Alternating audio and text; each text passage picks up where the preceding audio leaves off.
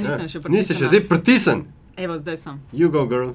Spoštovane in spoštovani, dobrodošli v Metinem čaju. To je podcast o dobrih in slabih praksah v medijih, o novih tehnologijah in kaj? Čaj, metin čaj, ja.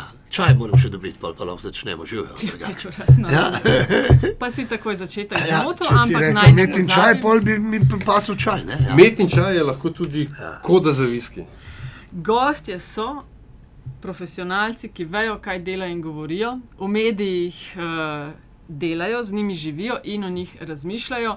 Met in čaj pa vodiva Aljaš Pengal Bitenc, Radio Chaos in Nataša Briški, Metina Lista.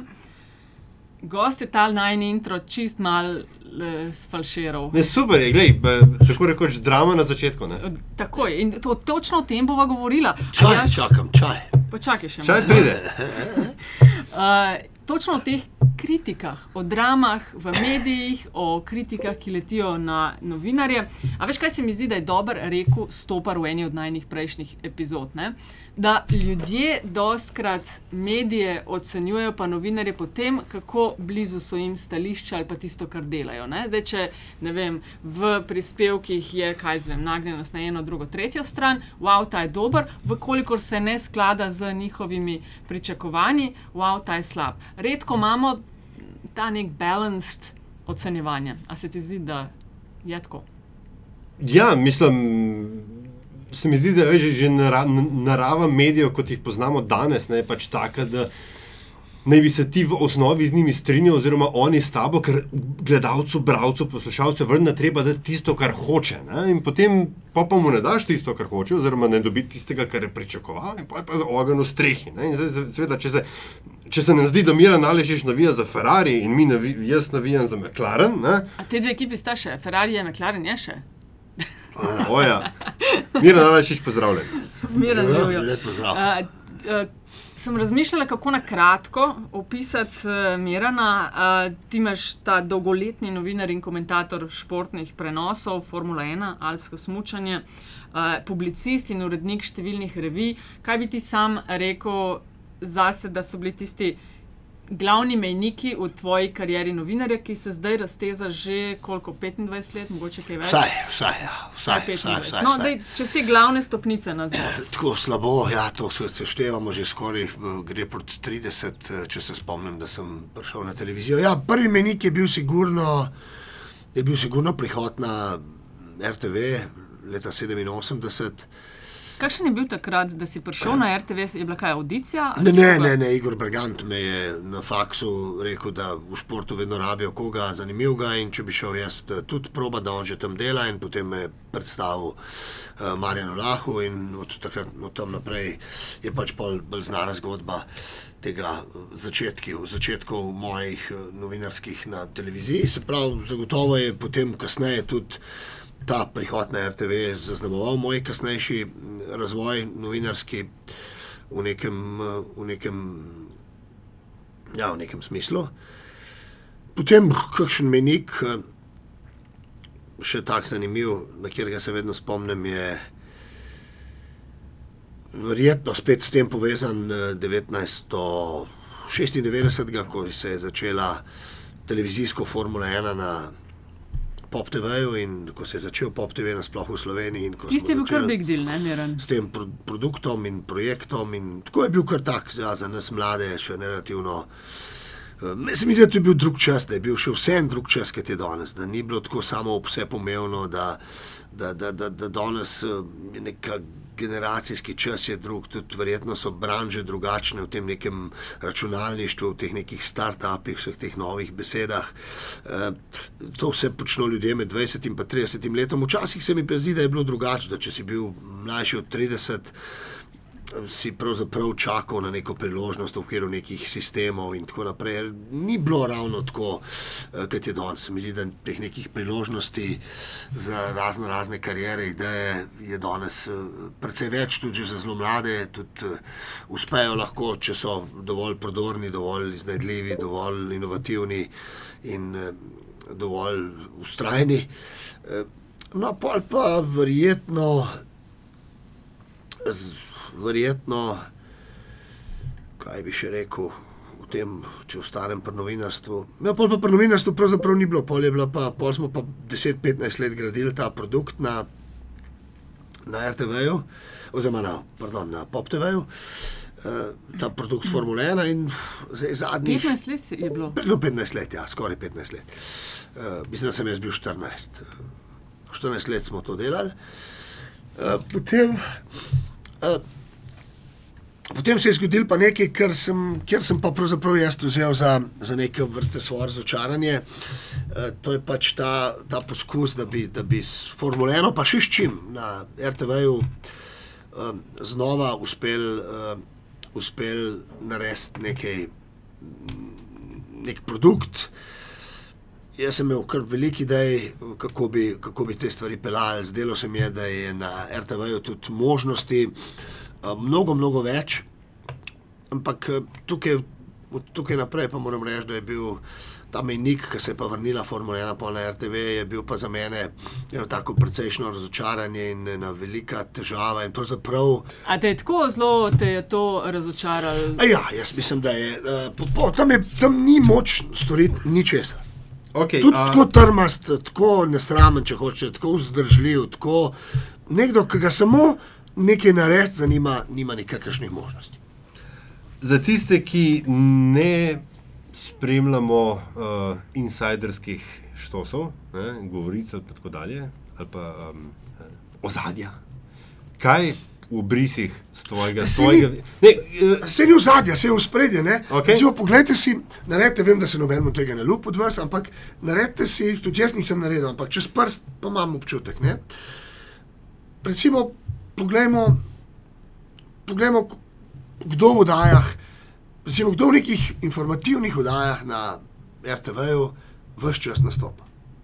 Kdo frekvenco pojavljanja ena in istih ljudi v zadnjih, recimo, desetih letih, če hočete, vzemite in boste videli, kaj se tam dogaja. Tarča, zdaj le en dan. Ne? To so en in isti ljudje z enim istimi temami, na en in isti način, z voditelji, novinari, uredniki, ki razmišljajo na en in isti način.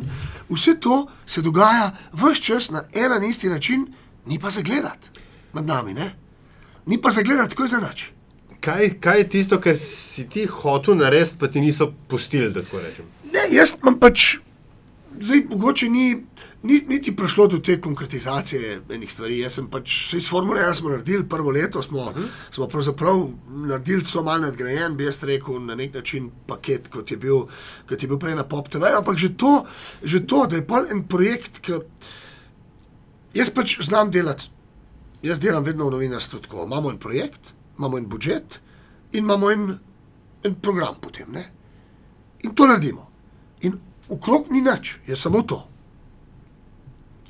Na RTV-ju je pa vse ostalo, samo tega ni. Nimamo nikoli projekta, nimamo nikoli budžeta in na koncu dneva nimamo niti programa. Zato, ker je to, jaz, to je mogoče tudi malo nerazložljivo, ampak zdaj Nataša se bo spomnila.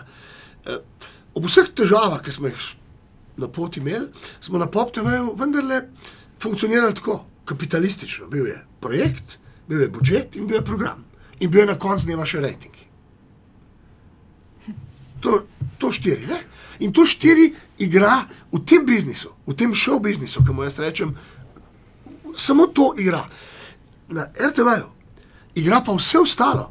Intrige, uredniki, kadrovanje, eh, tisoč ljudi preveč, ki jih je treba plačati, da hodijo ali pa ne hodijo v službo. Ne, Razlog, razlog, da mečkeš šraufam je zato, ker prvič vidiš oba televizijca, oba tudi športnika ne, znotraj televizije in ljudje, ki pa to poslušajo, pa veš, jim, jim niso te, st- ne znajo povezati te stvari, ker nimajo, bom rekel, backgrounda. Ne. In zdaj, ka- kaj, kaj to pomeni? Le- A so ti hoteli, da so ti hoteli določiti ekipo? Ti... Ne, ne, ne, ne, ne tudi de- daleč od tega. Ne.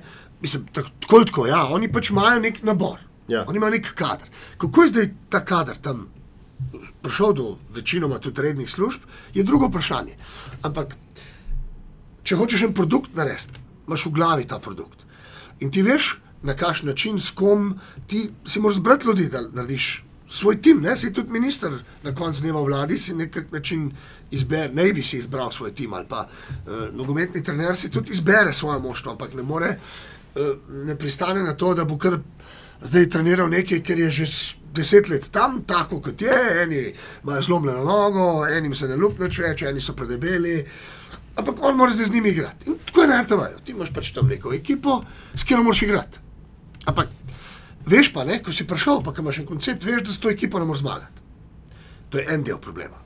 Ampak moraš pa samo s to ekipo igrati, ker je sistem tak, da ne moreš z drugo ekipo igrati. Ker to ni projekt, budžet, program, pa rating.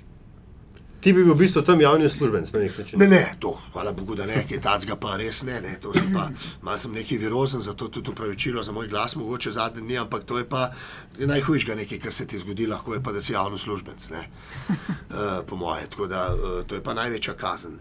Mislim, za nekoga, ki ima neke želje, ideje, ambicije, kreativne, poslovne, je to, je to po moje, uh, tako je, ja, uh, je to, kot si pokazala. No, no, no, ne vsega povedati. Ja, jaz vse povem, jaz vse povem. Ker Mislim, da, ker mislim, da je v tej družbi tudi preveč tega, ne vsega povedati. Ne? Jaz mislim, da je v tej naši družbi čist preveč tega, ne vsega povedati, na splošno. Ne? Zakaj pa ne? Sej ni, pravzaprav, jaz za vsem, kar naredim, povem slabega, dobrega, napak, stojim in ne vidim nobenega razloga, zakaj, zakaj ne bomo. Skratka, da ne bomo širili, ker bo to drugače šest ur trajalo. Eh, To je en del problema. No? To je en del problema tam. In, in potem ugotoviš, da so tam ustaljene poti, koncepti, da je tam ogromno poprečnežev, podpoprečnežev, da, da na uredniška mesta, direktorska mesta prihajajo svetlimi izjemami sem ter tja. Ljudje, ki v svojem osnovnem poklicu niso bili dovolj dobri, da bi lahko karkoli naredili, in potem se jih odstavi ali pa povzdigne na uredniška mesta. Sej to ni samo naša posebnost, da ne bo pomote. To se dogaja tudi drugje, tudi na razvitem zahodu, v različnih družbah se to dogaja, ampak vendarle se mi zdi, da je ali zaradi konkurence, ali zaradi bolj razvite družbe, ali zaradi višjih norm in standardov v poslu, vendarle ni vse skupaj na tako nizkem nivoju. To je ta prvi del zgodbe. Drugi del zgodbe, ki sem ga pa že prej načel, so pa te oddaje, ki so, ki, mislim, jaz to zdaj že dolgo časa živim v tujini in tudi res ne spremljam več tega na dnevni, na dnevni osnovi. In potem včasih se zgodi, da 14 dni, pa mesec dni, malo manj spremljam, sploh ne spremljam, in potem slučajno naletim na navdajo. Imam občutek, kot da, kot da, sem, kot da sem prejšnjo popoldne, prejšnji večer bil del tega. Recimo, potem, potem ta odprtost v svet. Ne, mene je vedno motila ena tako majhna družba, sploh medijsko, ker ti Slovenija bi morala biti uprta v svet. Se pa vse čas, se pa vse čas ukvarja, po moje, z dvema stvarema. Z lastnim, s tem le lastnim zosom, ali kako bi rekel, s to le lastno čorbo, politično, družbeno, parapolitično, kožo, s tem nekim družbenim dogajanjem, v tem lastnim in s tem seveda. Jasno, tem politikom, če so vsak drug dan v neki vdaji na javni televiziji ob 8 zvečer, si mislijo, da so res pomembni. Ne? Če jim ne bi mediji povedali, da zdaj pa, zdaj pa res ne boste več nastopali tukaj. In potem ena zelo, ena zelo tega, tega krivci so pa tudi zasebni mediji, zasebne televizije, recimo tudi najna nekdanja Pop TV, potem pa ta nečloveška penetracija anglosaške kulture, ki ni naša. Zakaj bi morali v nekem pop-inu ali pa na pop TV-ju vsak dan zvedeti vse, kaj se z ameriškimi in angliškimi idoli dogaja? Mi živimo tukaj v enem srednjeevropskem, alpskem svetu. Mene zanima, kaj se za mejo na mačarskem dogaja. Mene zanima, kaj se Dunaj je naša kulturna prestolnica. Ne pa ameriške zgodbe, ameriške treš zgodbe njihovega. Zato, ker je najcenejši. Zato, ker imaš te AP Reuters, ki te filajo dnevno Ampak z urami Mi posnetkov. nismo zato, da bo najcenejši, mi smo Ja. zato, da skrbimo. Samo odgovarjam, zakaj. Ja, ja, ampak zakaj jaz- smo je pa drugo vprašanje. In, in zdaj jaz pa odgovarjam na to osnovno vprašanje, zakaj se ne da ne? in kaj so ozadja. ne. In recimo, um, včeraj, z- konc pogajanj na nemških televizijah, na švicarskih televizijah, je bila včeraj glavna tema konc pogajanj o nuklearni zadevi v Lozani z Iranom. Pa res je bila to obskurna vestička. Ukvarjali so se pa z ministri Webri, z ministricami, ki, ki jih ne bom niti imenoval, z to lastno kuhno. In, in, in ena javna televizija mora imeti en, eno popolnoma drugačen pogled na vse to. ne. Mora imeti en, in mora relativizirati tudi to, mora povedati, da ne vem, se mi zdi, da in In more ljudem, slovence, izobraževati v smislu, v, v, v nekem medijskem smislu, mora jim dajati zgodbe, ki so pomembne, relevantne. Ne vem, včeraj so v, v tam le Keniji na severu ubili 147 študentov. Ne? Ne? Jaz mislim, da se mora nekdo odpeljati. Če, če ima ta hiša 100 milijonov evrov, mora nekdo o tem iz Kenije poročati. Ja, se strinjam, lej. Mislim, o ministru Webru pa res ni več kaj zapovedati. Samo še počakati, ali bo šel sam, ali ga bodo odnesli. Zakaj se ti ne ukvarjaš z zunanjo politiko? To je bil tudi jaz, sem te hodila vprašati, ker vem, ko smo še delali na Pop TV-ju, sva klepetala o tem, da bi tebe zanimalo tudi kakšno dopisnico. Mislim, jaz sem spet temu istemu RTV-ju prav v duhu tega ponudil moje usluge iz, eh, iz uh, mojega novega okolja v Švici, ker vsak dan vidim na, na tisoče zgodb, zanimivih ljudi, intervjujev, primerjav. Kakšna je tudi slaba, večina je pač dobrih. Uh, izjemno zanimivih stvari, ne? ampak interes je nič. Ker rečejo, kaj, da Ker drugi je znajo tako, kot je rekla ali- Jerka, nisem glasoval primeren za RTV. A, No, to je bil Ne, argument. To je hec, ne, ampak, to je hec, ampak ne vem, pač v neki obliki nisem primeren. Ampak jaz vem, zakaj nisem primeren, zato ker z mano ni miru. Ker bomo naredili tako, kot jaz mislim, da moramo narediti, da je to dobro, da to boljši, občutno boljši in večji in razvitejši od nas delajo. Ali se bomo šli pa tole, ker tole žalost. Namreč, zato, tam, ne? ker ne, um, tudi za Tašo, pa še za tako, zdaj da smo uživali, pa pač na Twitterju malo debatirali. Um, tista je bila ne, ena dogodkovna luknja ali v, v, na svetovnem prvenstvu v Vejlu, zdaj Ja. le, in si naredil eno reportažo. Tako, in je bila pač stvar proper od A do Ž, ne, in uh, tako, uno. Za pogled.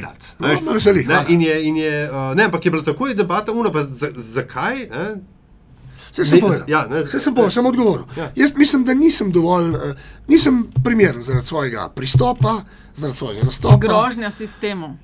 Mislim, zagot, mislim, čeprav jaz sebe nikoli tako ne ne, vidim, te ampak verjamem, da sem grožnja sistemu. Pa, ja, mislim, v teh sistemih imajo vsi, predvsem na tem javnem sistemu, imajo vsi najraje. Da, da bolj, ko se stvari spremenjajo, bolj ostajajo enake. Kot No, pravi to znate. francoski boljše od pregovor, mene, ne. boljše od mene uh, znate. To in, in jaz mislim, da je tukaj res potreben nek grški scenarij, ali vse skupaj zapreti za dva meseca. Popolnoma nič ne bo v tej družbi se zgodilo, če to, to se ne neha kdorkoli iluzije delati. Ne? Če za dva meseca ta javni zavod se zapre ne? in se potem začne na zdravih temeljih znova. To je en, ena opcija, ali pa da res pride nek tank, Dej, debata o Nataši Pirce lahko. Zdaj je akademska, ja. Eh, lahko akademska, eh, ampak zagotovo nek tank, nekdo, ki bi verjetno na nek svoj način tam poskušal počistiti. Ampak sistem jo, sistem jo Misliš, da je izvrže točno zaradi podobnega kot Zagotovo. te sile, da Tam zato ni šlo so vsi sovražniki, vsi nasprotniki, ko gre pa za njih, so pa vsi eno. Ko za svoje vrtičke. Ja, ko gre za njihovo, da to, da bo vse ostalo tako, kot je vse si eno. ti zakopal, ko si prišel na je ironija. Veš, ker nama je gosta, sva imela uh, Andreja Stareta, uh Mhm. -huh. ki je med drugim tudi rekel, uh, on je pač eden bolj prepoznavnih komentatorjev, ne, je govoril o tej. Faušija, mislim, da je rekel o tem, da ima znotraj opozicijo športne redakcije. Ne? Nekaj podobnega se mi zdi, da je v tvojem primeru. Ja, s tem, da je Andrej ena druga tema, on je pač. eh, On je mogoče še v, neč, v, v, tukaj v nekoliko slabšem položaju, ker on je že davno se zreduciral samo na komentatorja eh, in se z ničemer drugim ne ukvarja. In ga zato tudi fizično praktično ni prisotnega. Ne? Zdaj bom v šali rekel, vsi mlajši kolegi ga tam poznajo samo virtualno. Ne? Uh, uh, tako da je zato ta situacija. Jaz sem pa vendarle poskušal v enem, v enem delu biti del tega, in sem poskušal stvari od znotraj spremenjati. Ampak temeljni nazori, zdaj smo pa, pa recimo spet eni grozljivi zgodbi ne, o prejšnjega tedna, o teh skakalcih, Petru Prevcu, Juriju Tepešu. Zadnjič sem gledal neko oddajo na televiziji z Čopom, tam Šetom, najnim prijateljem in tako naprej. Mislim, eh, tem ubogim novinarjem ekipe, ki se je tam pa so ga skoraj delinčali. Eh, ampak, mislim, kje mi živimo? Ne? Kaj je profesionalni šport? Profesionalni šport je biznis. In samo in izključno biznis. In nekdo, zdaj, da na tem primeru samo ostanemo. In sploh ta debata. Naj, najprej že to je nas, do tega članka v ekipi je prišlo v neki popolnoma legitimni novinarski zvrsti, se je reče komentar, kjer sta dva, Dej razložka, jaz ne vem, o če kjer komentar. dva komentatorja pro in kontra, sta to, prejot pa. pa, A, a, pa če bi moral tepeš Globus, ne. prepustiti A ja, okej, ne, ja. a, Ne, ja. globus, planica, veliki globus, Ja, ja, tepeš okay. preveč. In jaz ne vem, kje ti novinari v Sloveniji živijo, športni predvsem. Se je jasno, da je ena novinarska zvrst komentar, še posebej, če je tako na nek način narejena. eh, Ja, primerno, bi jaz rekel, izjemno primerno. To, to smo so itak videli na Zahodu, ker to že dolgo dela pro in kontra. Da imaš ti na neki komentatorski strani dve mnenji o neki temi. Ne? In ta mnenja so pač mnenje tega človeka. To prebereš, obrneš list in svet gre dalje. Ne? Tukaj se pa polovica države, polovica družbenih političnih delavcev se potem zgane in začnejo povzročati neki javni linč nekega novinarskega kolega. To na stranci, mi tega, te osnove sploh več ne razumemo. Zdaj pa do bistva s- stvari, po mojem, pri tej stvari. Ja, jasno, da je to šport posameznikov, da tudi Juri Tepeš rad zmaga. Ampak jaz sem eno zanimivo vprašanje pos, bi postavil ne? vsem, ki so to. Vsak mu bi rekel, naj se postavi v vlogo direktorja te nordijske reprezentance. Verjetno v slovenskem primeru, glede na stanje v slovenski smočeri, ni bilo tako, ampak povem pa ti, da povem pa vam ali pa povem našim poslušalcem, da je pa v urejenih državah, kjer ta trg funkcionira in tako naprej, pa to točno tako. Ta direktor nordijskih reprezentanc bi seveda pri sebi vedel, da recimo kristalni globus za njegovo reprezentanco, veliki kristalni globus pomeni pol milijona evrov nekega sponzorskega denarja, neke razlike. In verjemi, zato je tudi rekel tale Šlirncauer, v urejenih sistemih ni na ključi. Gospod bi, pr, gospod bi prišel, gospod direktor in bi rekel, fanti, danes boste tako le skočili.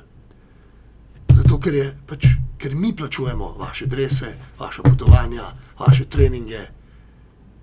Ne? Ker brez te reprezentance, brez vseh teh 100 tisoč evrov ali milijonov, ne morete tekmovati v takem športu, kot je denimo tudi skoki. Drugo je tenis, ki ima Roger Federer samo za okras švicarsko zastavo, v bistvu je pa sam svoj, razno Davis Cup. On pač tam tekmuje zase, si sam plača svojega trenerja, on je tako malo kot Tim, Tina Maze na nek način. Ne?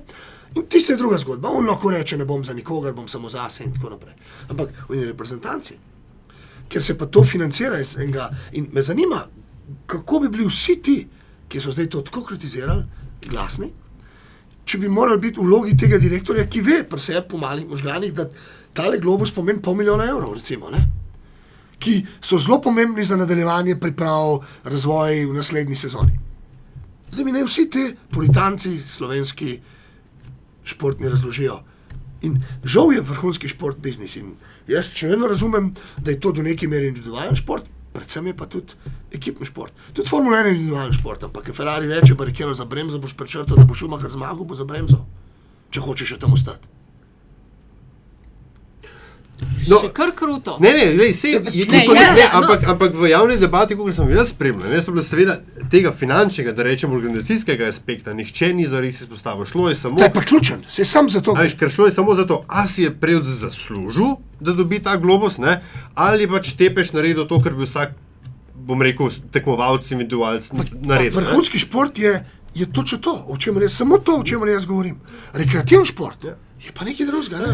Sam po, dru, po, drugi, po drugi strani pa seveda spet resne, da so v stanju, kakšno je slovenska, slovenska smočarija, ne? ker je veliko tudi na vrhunski ravni lastnega angažmaja, vložka in tako dalje. Ne? S- Pol, bom rekel, se ti postavi ta moralna dilema, a je zdaj, a veš, a je prav. Ampak jaz ne? mislim, da ne, jaz mislim, da so vsi ti fanti vendarle financirani iz programa Smučarske zveze in Smučarska zveza poskrbi za njihove uh, A reprezentance zagotovo. Be, Poskrbi. pa, pa, pa, pa beremo, da letos tega sicer ni bilo, to je res par let nazaj, pa da zamujajo s honorarji, pa s plačili. Pa, tako ne. Pustimo Ja. te anomalije, ampak No, no. jaz sem na načelni ravni. No, no, ne, povedati, ne, da je- In, in mi smo tisti, ja se vendarle novinari smo tisti, ki bi morali razumeti, zakaj gre na tem Ne, sej to, a veš, ker se mi zdi, da pol v javni debati so se pa ta dva pola, ne, ki svojega vidika sploh nista bila, mislim, Moj prijatelj, pa tvoj tudi dober znanc, uh, Bojan Traven, Ja. ja. ki je izjemen novinar, mim grede, vedno reče, treba je po sledi denarja. V vsaki zgodbi vedno je treba samo razmišljati o denarju in slediti denar in dobiš vse odgovore. A misliš, da No, je. No, No, izvoli. hotel sem samo to reči, da se pač ta dva izključujoča pola v bistvu v javni debati zgolj podžigala. Ne? Nihče ni hotel, bom rekel, predstaviti. Realni moramo biti, ne? Realni moramo biti, zakaj tukaj gre. To so milijonske zgodbe, to ni, mi ne skačemo tam za svoje vesele. Zato, da se ljudje doma potem. No, a zabavajo. to je bilo moje vprašanje. Ali misliš, da je preveč tega dojemanja še vedno pri nas, to, da za veselje delamo, za, ne vem, Za narod. za narod? Zato pa je družba tam, kaj je. Ne? No, to misliš, Se da je. popolnoma strinjam. Da je tudi, ne vem, na, na tvoj prihod na nacionalko bil grožnja te miselnosti. Ampak to je, to je pravzaprav, ja, ja, ja mečkin je, tam je ta miselnost je zagotovo, ta, ta neke vrste skrb, poslanstvo, to, to, poslanstvo, to. poslanstvo, oni so poslanstvo. Mi smo neka, neko kapitalistično nujno zlo, kot od zunaj prihaja, oni so pa poslanstvo. Ne? In tako, ampak zdaj, da ne bomo samo na RTV-ju, tako ta cel, se mi zdi, velik Ne, del tega javnega sistema, pa nas. Uh, v ozadju, ne? ampak tudi v tistem sistemu, pa v drugih tudi, ker pa na vsakodnevno spremljamo, ampak v tem ozadju, ne? ampak to poslanstvo, to, to, ta zgodba o poslanstvu je pravzaprav vse čas opi za ljudi, skozi, spet ponavljam, slabe medije, ki ne odpirajo pravih tem na prav način. V resnici se pa v ozadju, tudi te, ki se grejo poslanstvo, seveda, kot bi Traven rekel, sledite, pa tudi pa ni treba toliko denarja. Ne? Pol pa pride do milijonskih, ja, ja. do milijonskih honorarjev, profesorjev z javnih, z javnih fakultet, pa do odtekanja tacga, pa do malverzacije take, pa do eh, odtekanja vs- vseletnega iz No, državnih podjetij in tako naprej. Ne? Vedno so v zadju neki ljudje, ki pa imajo konkreten interes, ki je spet v denarju, se kaže, da je to tako. No, si- vendar je eh, bojan zdaj eh, na, na, na nacionalki v zaklonišču, ne, kot, se, kot se temu reče. Ja, ja.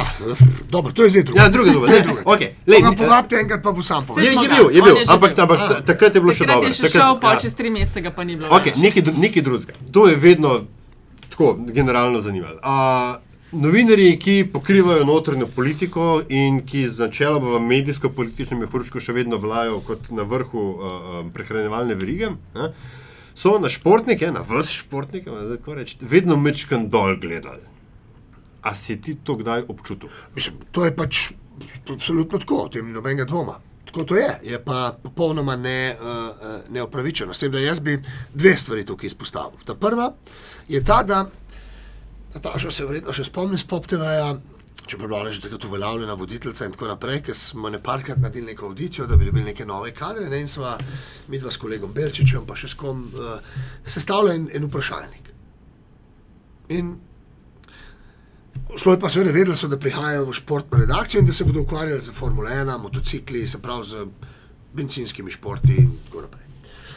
Ampak v tem vprašalniku, ki je imel mogoče 30-40 vprašanj, ki so prišli to te študente to pisati in so to eno uro pisali, dve ure, koliko smo jim že dali, eh, je bilo samo, mislim, da na koncu morda 3-4 vprašanja v zvezi z motošportom, vse ostalo je bilo pa poznavanje sveta okrog sebe.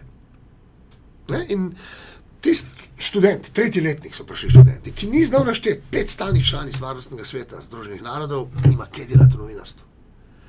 Potem je prišel čisto začuden, so pol meni hodili, "A pa zakaj se jaz sem se odločil, da me bo mene Rosi zanima. Sem rekel, najprej moraš svet spoznati, pa boš pa tudi. Rosi je samo del tega, kar moraš ti vedeti, če hočeš biti novinar. En majhen del tega. In zdaj smo pri tem, da, je, da jaz ne verjamem v to, da so lahko notranji politični novinari, pa športni novinari, so samo dobri, pa slabi. Ni drugih, ne? Za mene. Ker jaz mislim, da lahko grem danes tudi dobro gloso o ministru Webru tam le narediti. Se ne bi mogla bolj s tabo Ja. strinjati in odlično Ja, ja, ne, ful, ful dobro, pač, ker In to je point. Ja, ja. Ne, zdaj smo pa pri eh, pri enem, eni, eni, enem kratkem primeru, bom pa povedal, kaj se je zgodilo z, z eh, tem gledanjem vzdolj športnih novinarjev. Že kar nekaj časa je, ko se spominjam, jaz sem bil takrat še bolj mlajši državnik, torej nisem bil na ekranu. Spominjam pa se, da to je bilo en kratek obdobje, verjetno je že šlo za kakšno težavo, reforme, bolezni, boh ve zakaj.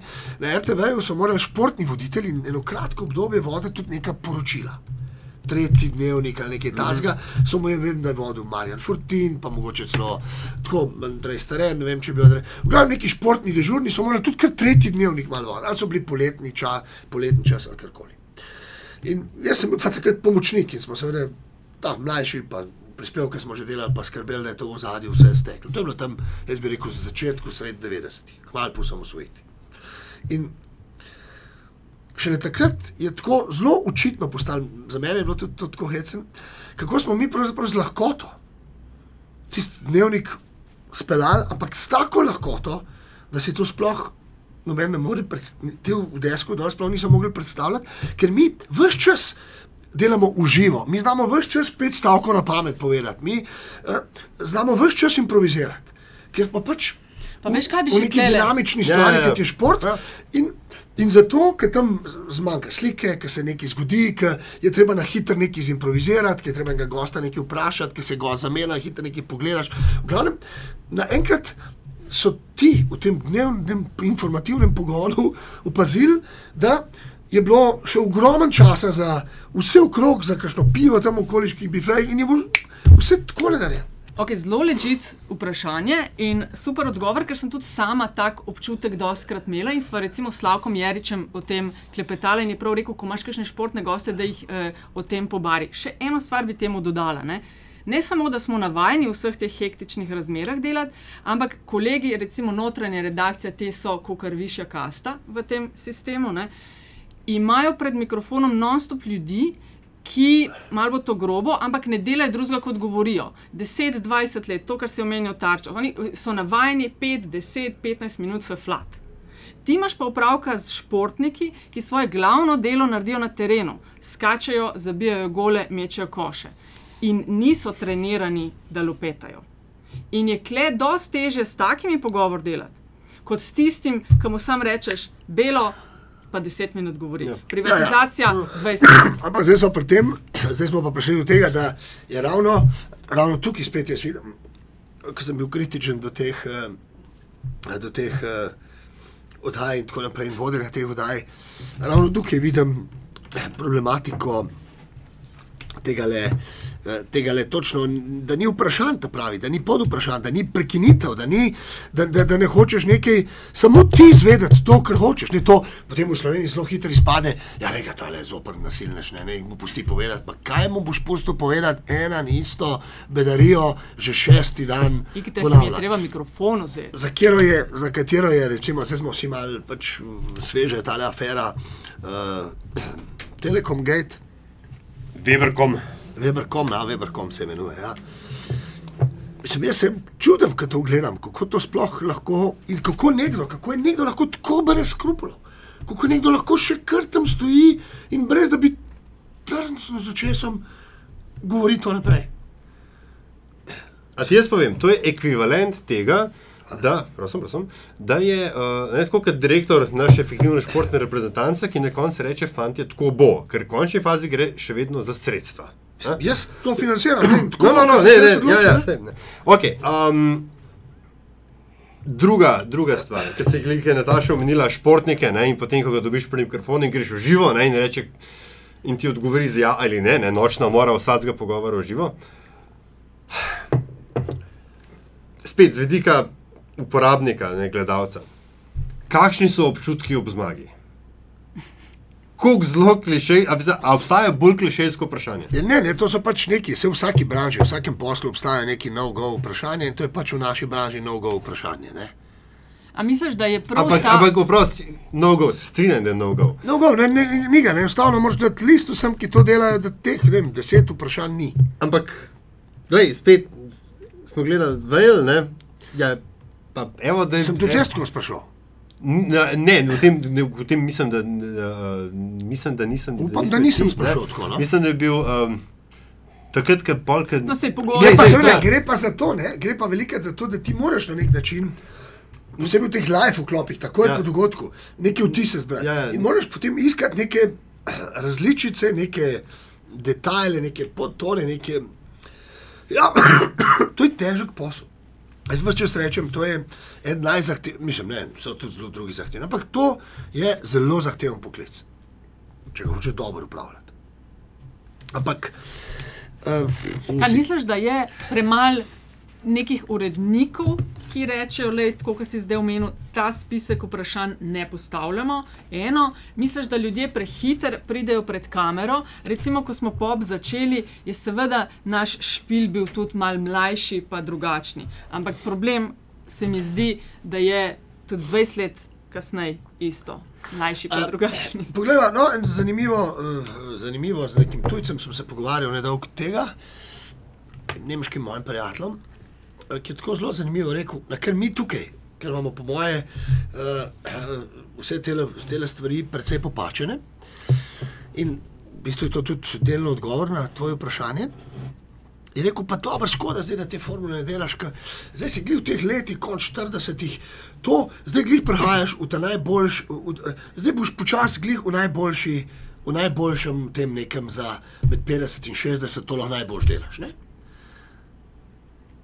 Ampak, sej, kako pa živi ta družba, ne? sej je pravzaprav vse že odsluženo med po 40. Ne, tukaj, se, to, tem, se ti zdi, da prehiter napredujemo, napredujejo. Prehiter grejo, ne, ja. veš, pride iz, iz faksa na televizijo, pa včasih smo imeli, ok, v, tudi sigurno v mojih časih smo hitreje šli, kot so pred mano šli. Ampak si, si bil, jaz sem bila mlajša dežurna, pa si novičke, pa po kasete sem hodila na avtobus, no takrat so še kasete dopisniki pošiljali, ne pa pol, ok, pa vodenje, pa uno, pa tretje. Ne. Zdaj pa tako, dvakrat je in ima že naslovno novico, že pokriva, ne vem, patrijo, že pokriva odstope ministrov.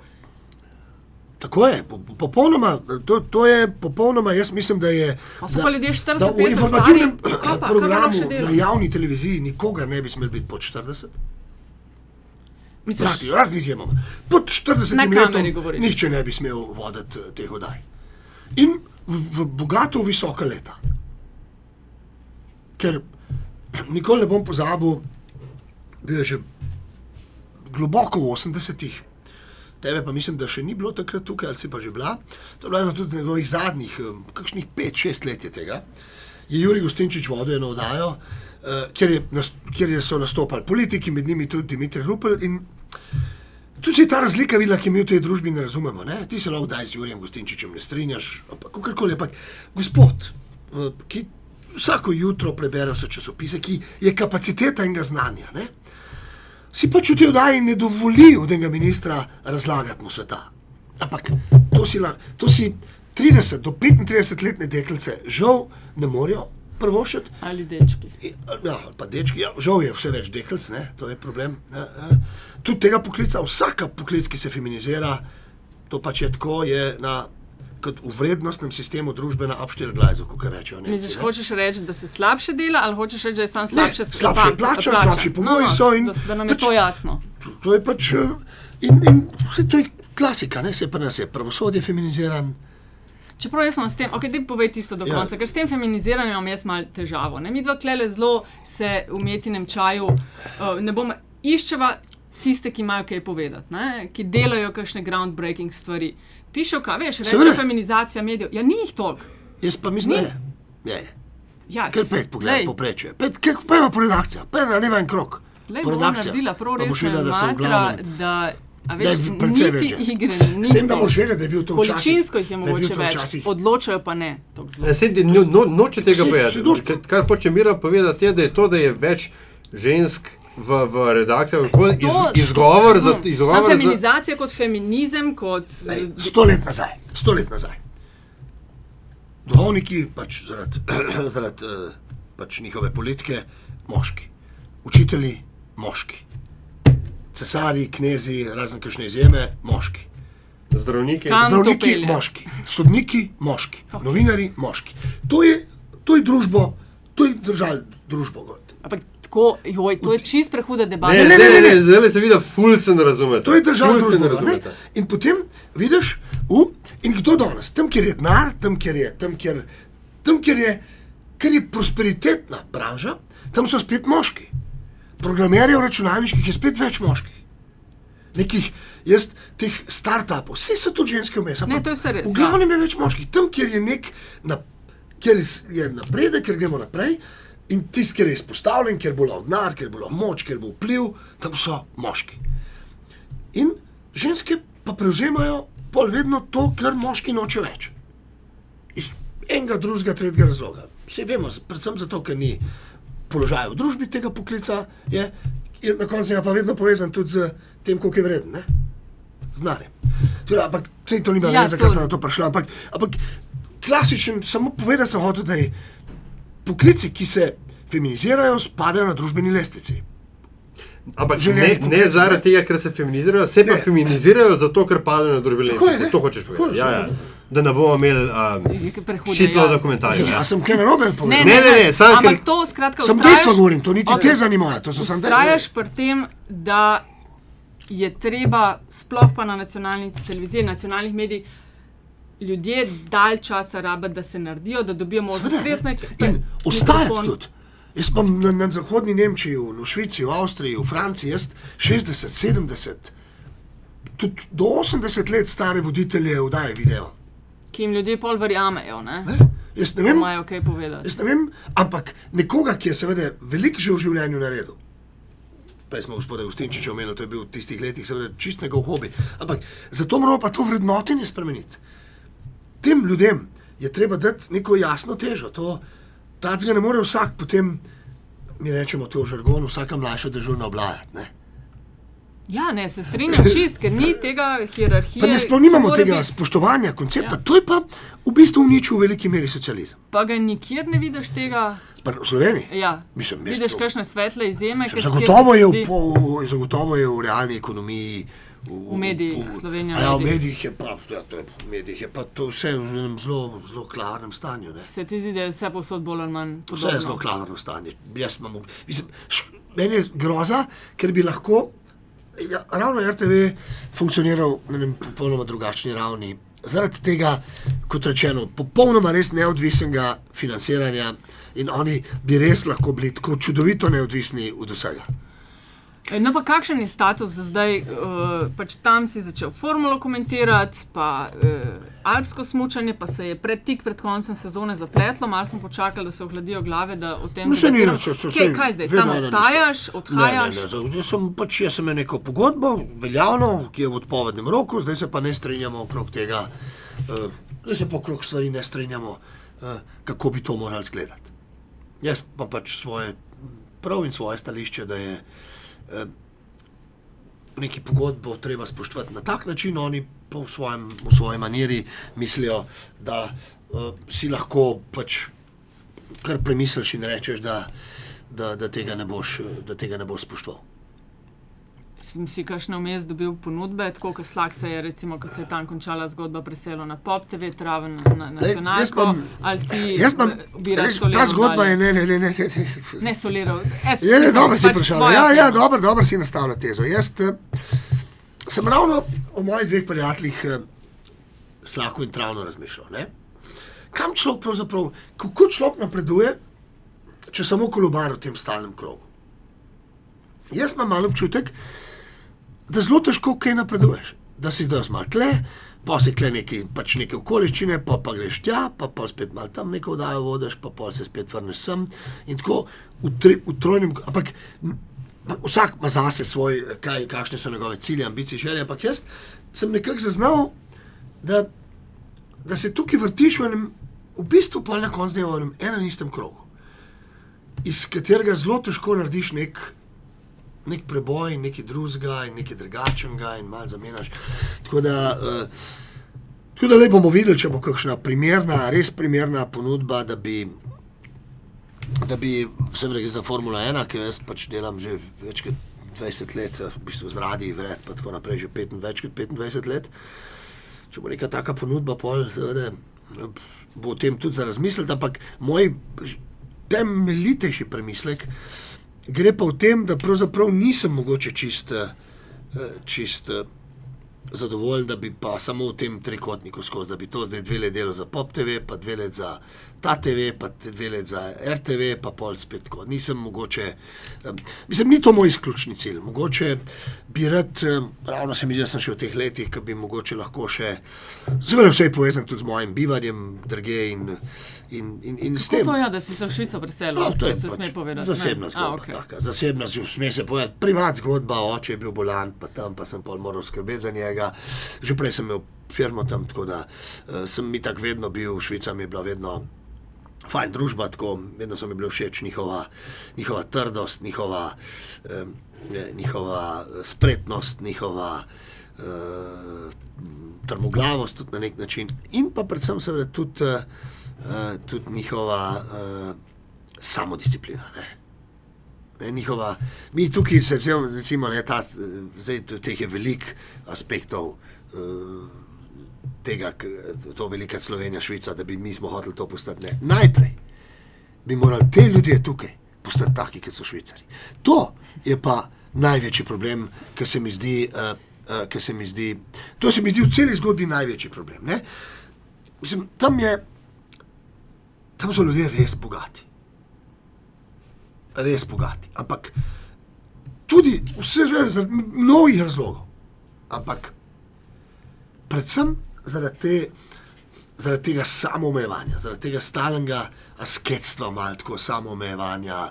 Oni tako res to, to tam prav čutiš na vsakem koraku. No? En, en, en, en, en popolnoma druga filozofija doživljenja.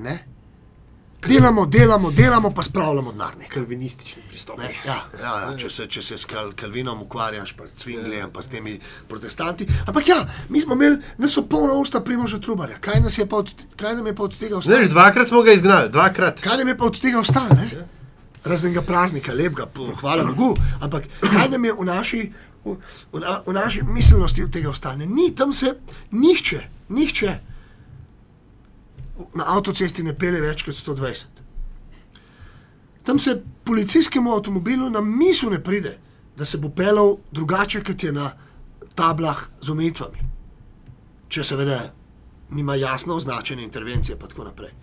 Tam nikomu na misel ne pride, da bo. Da bo Zdaj, seveda, pustva, anomalije so posod, da ne bo pomote. Ne? Posod bi bo nekdo zdaj za besedo, da je ja, pa. Ampak govorimo o Ja, ja, okay, ne, sej, ne, ne, ja, govorimo o, o, o tem masovnem pogledu na družbo. In, in, in, in družba je urejena, Vse, vsi v družbi, to je tudi tako fajn, ne? vsi v družbi vedo, kaj je njihova vloga. Vsi imajo svoje vloge v družbi, ki so jasne. Zacementirane desetletja, stoletja in so jasne. Eh, pa, pa tudi, ko je enaka, taka nacionalka, ne? Mal provociral. Uh, ja, na nek način si vem, kam si, kaj si mislil, na nek način. Ja, ampak ker je seveda to, to seveda zelo pozabljamo. Oni, so, oni imajo odlično, zanimivo mešanico. Uh,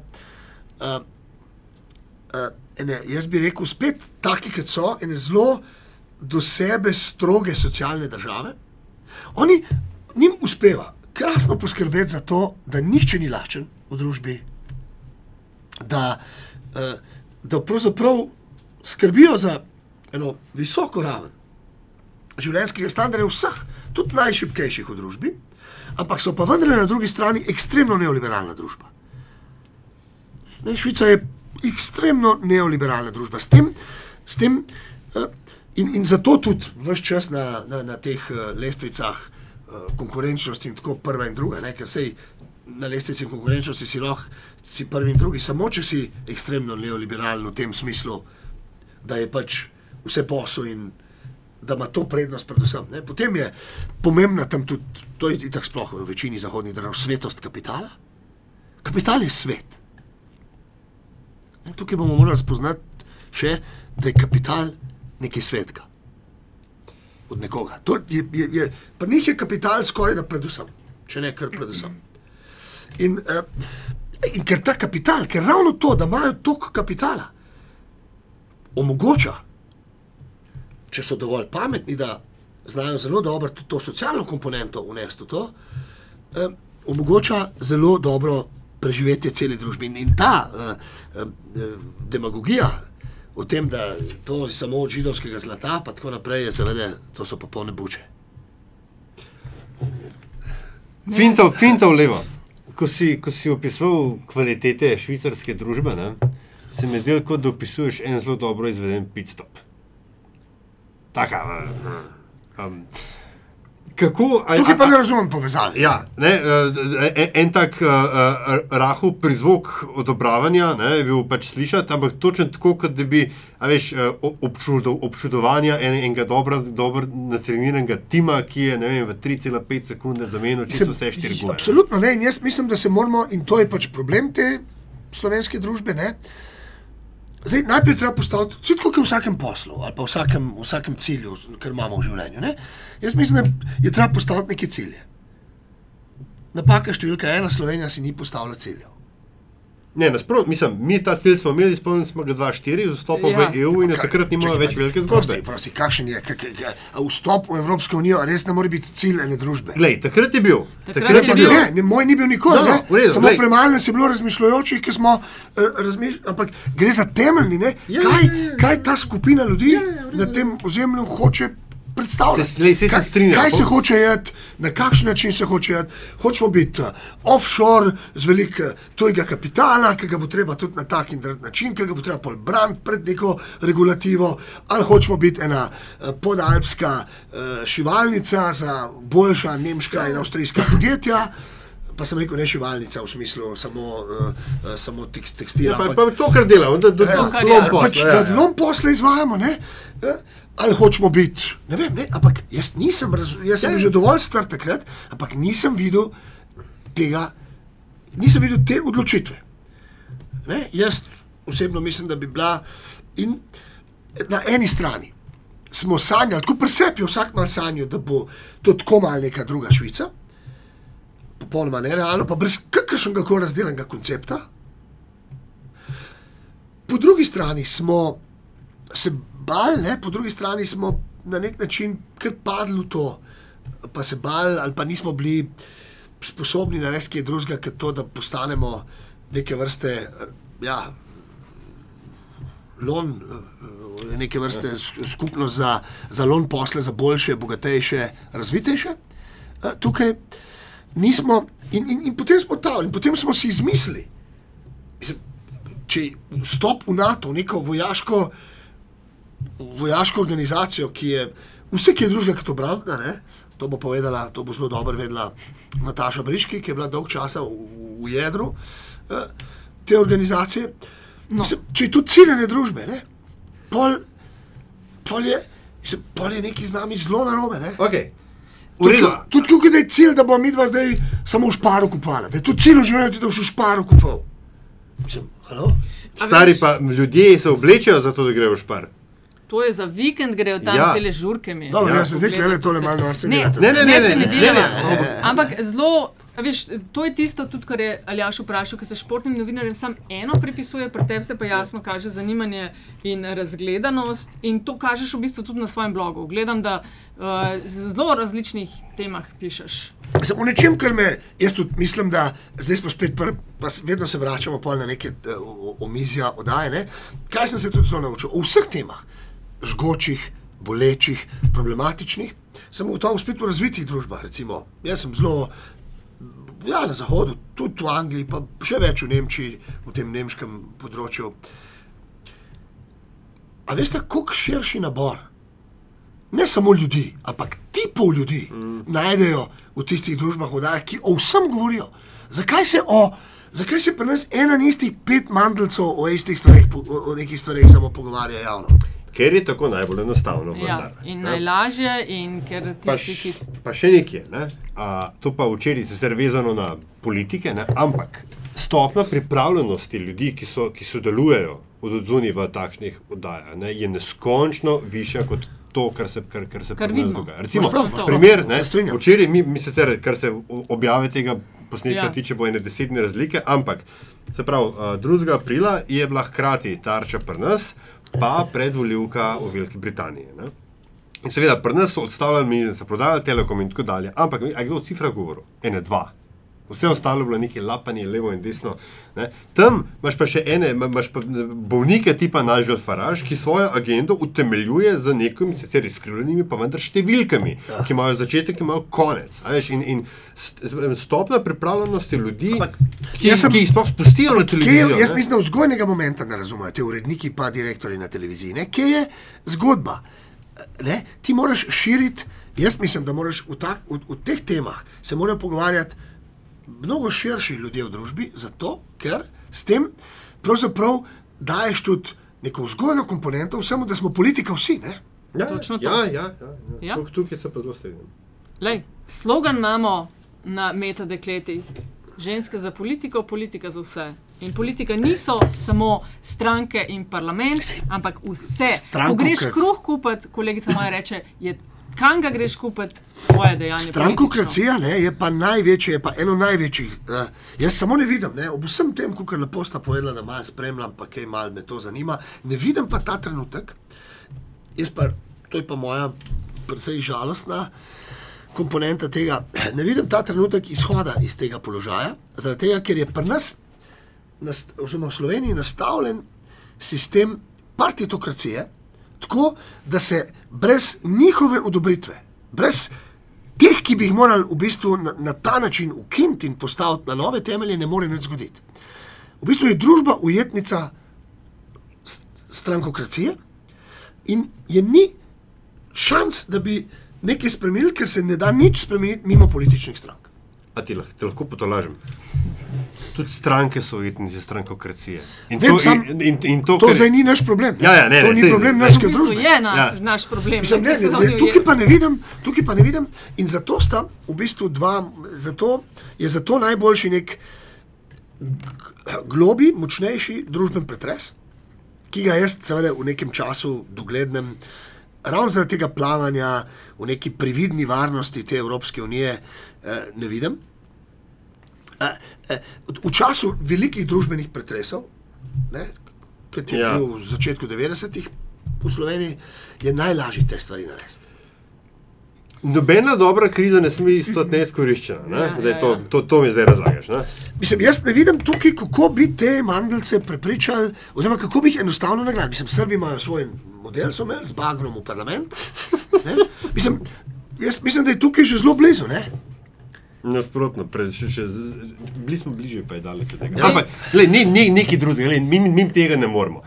Tvoja glasovna podoba je markantna in tvoj stil komentiranja je kontroverzen. Ulala. Ne? Jaz upam, da ne, no, ampak. A si kolerik po naravi? Poh, kaj pa vem, to ve Nataša, boš to boš, da Nataša odgovori. Ja, lej, jaz lahko naslednje rečem, ne, da si bil eden najbolj profesionalnih kolegov, s katerimi sem kdajkoli imela priložnost Okej, delati. pa brez da- PR-a. Ne, srček. Eh, pa brez PR-a. Kadarkoli v kakršen koli projekt s tabo je zelo demanding, ampak če hočeš najboljše rezultate doseči, ne smeš biti pripravljen pristajati na povprečje in lakoče. V redu, ne, ampak okay. pustimo to. let me rephrase the question, Ja, Your vem, Honor. kaj ne. hočeš. Veš, Formula 1 v Sloveniji sta samo Niko Mihalič in Miran Ališič. Jaz, pri mojih 36 in nekaj, poznam sam, te, sam ta dva glasova. Ne? In pri Niku to je bilo tako, štart, pos pa zaspal, polna pa menjava, pa smo pogledali, pa je pa cilj, pa se zbudil, pa si videl, kdo je zmagal. Zdaj bom jaz po, Pri te- pri tebi je bilo pa ravno obratno, pri me pa nisi, pri tebi pa nisem mogel zaspati. Ampak če sem lahko zdaj jaz postavil vprašanje, Ja. ki me zanima. Če je tako, in vsi mi vedno povejo, da je tako, uh -huh. tudi jaz imam nek svoj občutek in vtis, kako je, recimo ne, v, v, v tej primerjavi med Nikom Miheličem in menoj. Ampak odkje pa pol njemu popularnost? Kdo rekel, tako da je popu- nečloveško dolgočasen. Ne, se, ne, ne glej, okay, tu, tu, zdaj druga zgodba. Ni, um, tukaj gre za dejstvo, da je moj uh, uh, kopalničar, ne, človek, je zrihtel kopalnico, je rekel: klič me kadarkoli, sem ne v nedeljo ob dveh, kaj štart. A Veš, Formula 1 je obred. Ne, in zdaj, uh, uh, in sploh um, slovenci, mož, predvsem moški v zrelih letih, ker bencinski šport načeloma spada v to kategorijo, ne, to je to, to je, a veš, to je sveto, to je to, ko maša. Ne. In zdaj, enkrat je tak duhovnik, drugi še drug duhovnik. Oba sta lahko dobra, oba sta lahko popularna, ampak mene, bolj- mene zanima nekaj drugega, to sem te hotel vprašati. A se ti ta svoj način komentiranja ali pa um, govorni pristop, ali karkoli, si ga posebej kultiviral, a je, a, a je to, je Tako je to, to? nastalo, tako je nastalo. Nisem imel kakšnih posebnih uh, priprav na to. To sem jaz, ko sem to začel delati. To se mi je zdelo, da je zanimivo. In ko si, in ko si uh, dubov zdaj na koncu na nacionalki, um, se pravi, smočarijo, je bilo to prete, pustimo, kaj se je pol dogajalo. Je bilo to ne, ovira, si, si lahko na hitro zamenil. Si, ne bi uvira, če ne bi, pa če se strinjal, ne bi tega delal, saj jaz nisem njihov uslužbenc. Ja? Tako da Ma zdaj se mi, da bi tudi tukaj lahko to malo zdinami- zdinamizirali. Predvsem sem pa si tudi želel v enem, v enem športu. Uh, kaj je mogoče zanimivo, kaj sem si tudi želel? Hotel sem v enem športu, kjer so Slovenci popolnoma drugače čustveno obremenjeni, pokazati eno mero profesionalnosti. Takrat, ko si bil na popu, na začetku si malo govoril o tem, ne? to, da je Formula 1 prišla takrat na pop, ki ni bil nikjer na nobenem zemljevidu, je bil big deal. In to je bil, bila v veliki meri tvoja zasluga. In to, da je koliko dve let kasneje prišel v Ljubljano, da smo v studiu športne scene imeli Miko Hakinana, je bil big deal. Jaz sem sedela, če se spomniš. Je bila še večji big deal. No, ampak a se spomniš, Ja. je tisti dirkalnik, v, s katerim je osvojil naslov Ja, ja. prvaka, smo imeli v Ljubljani. To so big deali. ne. Kdorkoli, kdaj To nikogar ne zanima. Na RTV to nikogar ne zanima. Jaz vprašam tam urednika ali pa direktorja. Ne? Vprašam eno zanimivo vprašanje in rečem, koliko je pa vreden ekskluzivni intervju s Sebastianom Fetlom tukaj? Pa me malo pogledajo, ja, kako? Jaz rekel, ne vem, Jurija, pet Jurjev, deset Jurjev, a ne, to pa ne. ne. Ja, fajn je, če- če ga imamo, če pa ne, pa, pa, pa tudi v redu. pa to je to. ne. To, to, s enim stavkom je to, ti pove vse. Ne? Preden končamo, meram, A da še povej. mislim, da smo še ogrevali. več- Ja, sej, le bomo še drug del naredili. Ja, šte človek je na dve uri naštiva, ne? na Se ve, se 67 ve, krogov. Eh, Daj povej mi, kako na te vplivajo, kako sprejemaš to, so, uh, kot je Aljaš omenil, da imaš, uh, pustiš pečat, kjerkoli si, hkrati pa tudi dost um, živčne odzive z občinstva. In hkrati, ne vem, ene peticije, zbiranja, recimo za to, da ne bi več komentiral, je bila cela drama. Kako to na te vpliva? Pa se je pa zelo pomirila, hitro se mi zdi, ampak to je bilo še tam. Sem pa tebe ni bilo decembru. več. ne, pa je bil še cel, pa je bil vel, še No, no, ja, prvenstvo, ne, pa je bil še cel. Ne, Kako delaš s temi odzivi? Jaz- Tudi na popa, veš, kaj je od Miheliča prešlo na Ališiča. Se zdaj trudim, da- se trudim, da ne bi vplivali, da bi vplivali čim manj. Uh, verjamem pa, kako težko je, če še jaz, ki se imam za nekoga, ki ima kar trdo kožo, pa ki gre, uh, ki gre kar uh, do, do, Ja, do, do konca, pa cilj ki in- ima- ne, ki tudi pove, kaj si misli. Ne? Z nekom takim, zelo, zelo močno.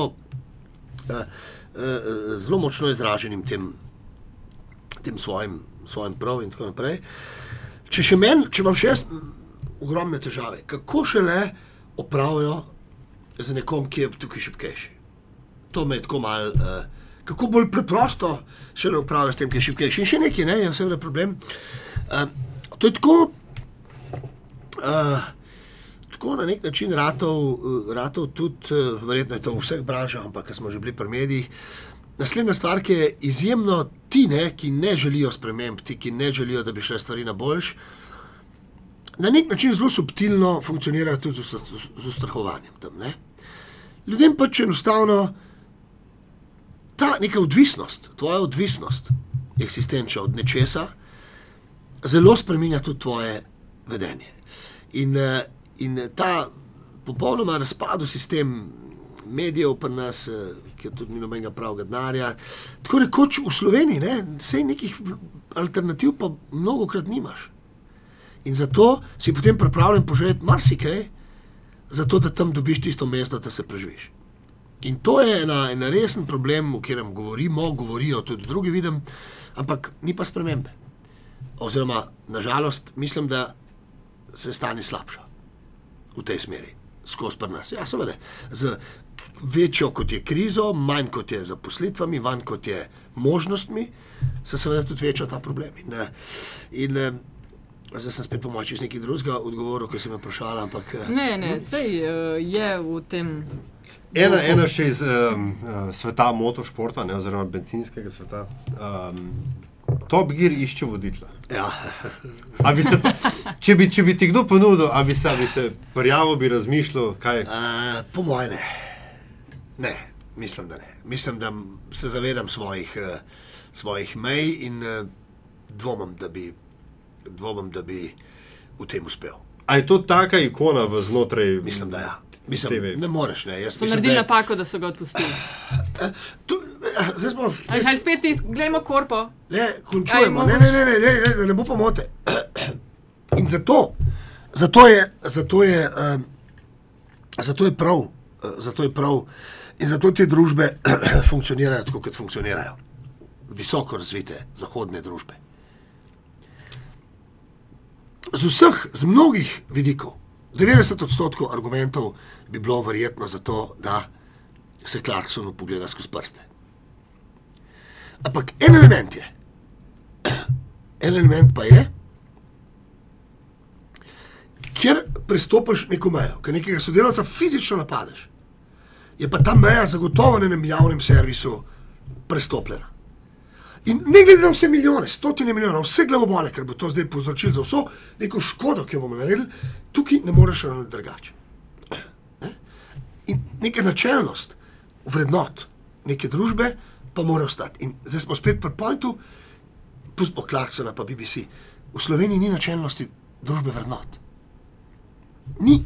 Nikakršne, in seveda, kdo pa drug kot neki mnenjski voditelji, politiki, znani ljudje, te, so v spredju javnosti, so prvi. Ne? Če se vebri, pa vsi ti požvižgajo na vse, ja, se se pa tudi folk na vse požvižga. Ne? Če se vsi na vse požvižgajo. In zato je tukaj ta ukrep bil, ne, ni bilo možno narediti drugače v taki družbi, kot je angliška. Eh, Ob tem, da so si nakopali milijon težav, jaz osebno mislim, da je v tem trenutku treba oddajo pokopati mm. in začeti z nečim novim.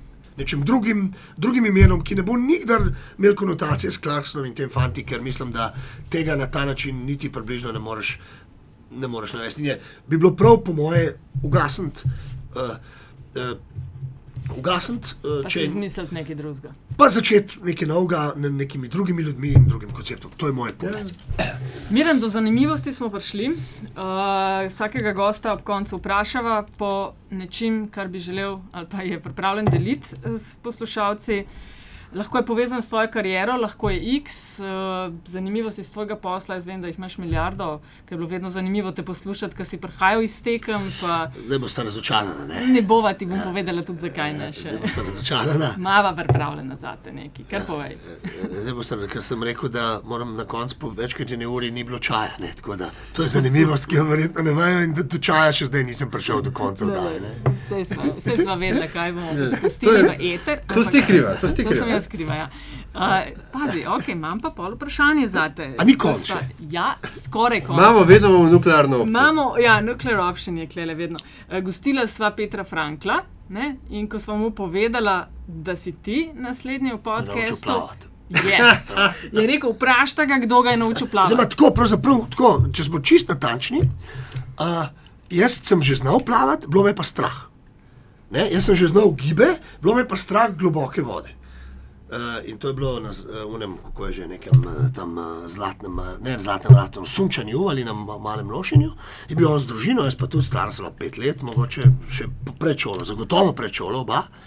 Ampak on je bil pogumnejši, tako in je že tudi bil boljši v tem, in potem je v bistvu, uh, v bistvu na nek način poskrbel, da sem jaz eh, ja, začel plavati v resnem smislu, tudi v vodi, kjer nastopam, pa tako naprej, da sem pač začel plavati. Ne. Skratka, Peter te je naučil plavati. Lahko tako. eh, To je to.